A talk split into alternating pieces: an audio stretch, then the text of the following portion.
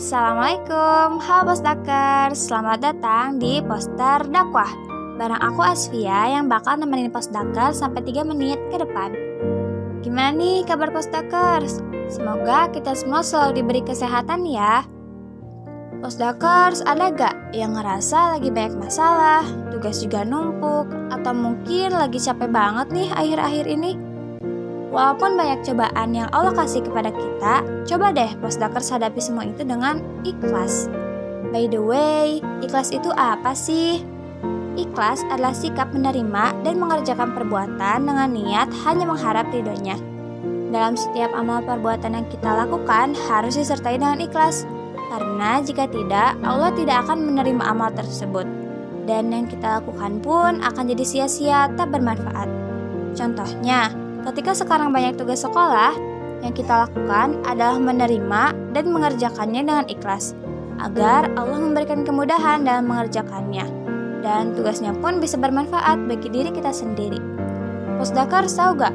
Baik banget loh manfaat yang kita peroleh jika kita punya sifat ikhlas. Pertama, hidup kita akan menjadi tenang dan tentram karena setiap perbuatan yang kita lakukan dilandasi dengan niat karena Allah. Kedua, terhindar dari sifat marah. Karena kita akan menerima setiap ketetapannya dengan lapang dada dan kita yakin bahwa Allah akan mengatur yang terbaik untuk makhluknya. Ketiga, dihapuskan dosanya dan ditinggikan martabatnya. Kira-kira siapa coba yang gak mau dapat manfaat sebesar itu? Pasti mau kan? Nah, begitulah keikhlasan. Beramal akan menjadi terasa nikmat, tidak membuat lelah, dan segala pengorbanan tidak terasa berat. Sebaliknya, amal yang dilakukan dengan ria akan menyebabkan amal tidak nikmat, mudah menyerah, dan selalu kecewa. Tetapi, banyak dari kita yang beribadah tak berlandaskan rasa ikhlas kepada Allah Subhanahu wa taala, melainkan dengan sikap ria atau sombong, supaya mendapat pujian dari orang lain. Hal inilah yang dapat menyebabkan ibadah kita tidak diterima oleh Allah Subhanahu wa taala. Kebayang gak sih perbuatan yang udah kita lakuin kemarin ternyata sama sekali gak bermanfaat karena kita belum ikhlas meniatkan karena Allah. Sia-sia banget kan?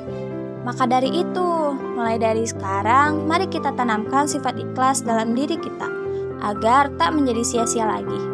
Sedikit tips nih dari aku, kalau sebelum beramal kalian terbesit niat selain karena Allah, sebaiknya ditunda dulu amal kebaikan tersebut sampai niat tersebut hilang. Jika sudah benar niat dalam hati karena Allah, maka teruskanlah amal kebaikan tersebut. Ibnu Al-Qayyim pernah berkata, orang yang ikhlas adalah orang yang menyembunyikan perbuatan baiknya sebagaimana ia menyembunyikan perbuatan jahatnya. Gak terasa ya, udah 3 menit berlalu. Cukup di sini episode poster dakwah kali ini. Stay tune terus ya, karena episode selanjutnya gak kalah seru loh. Syukron. Wassalamualaikum warahmatullahi wabarakatuh.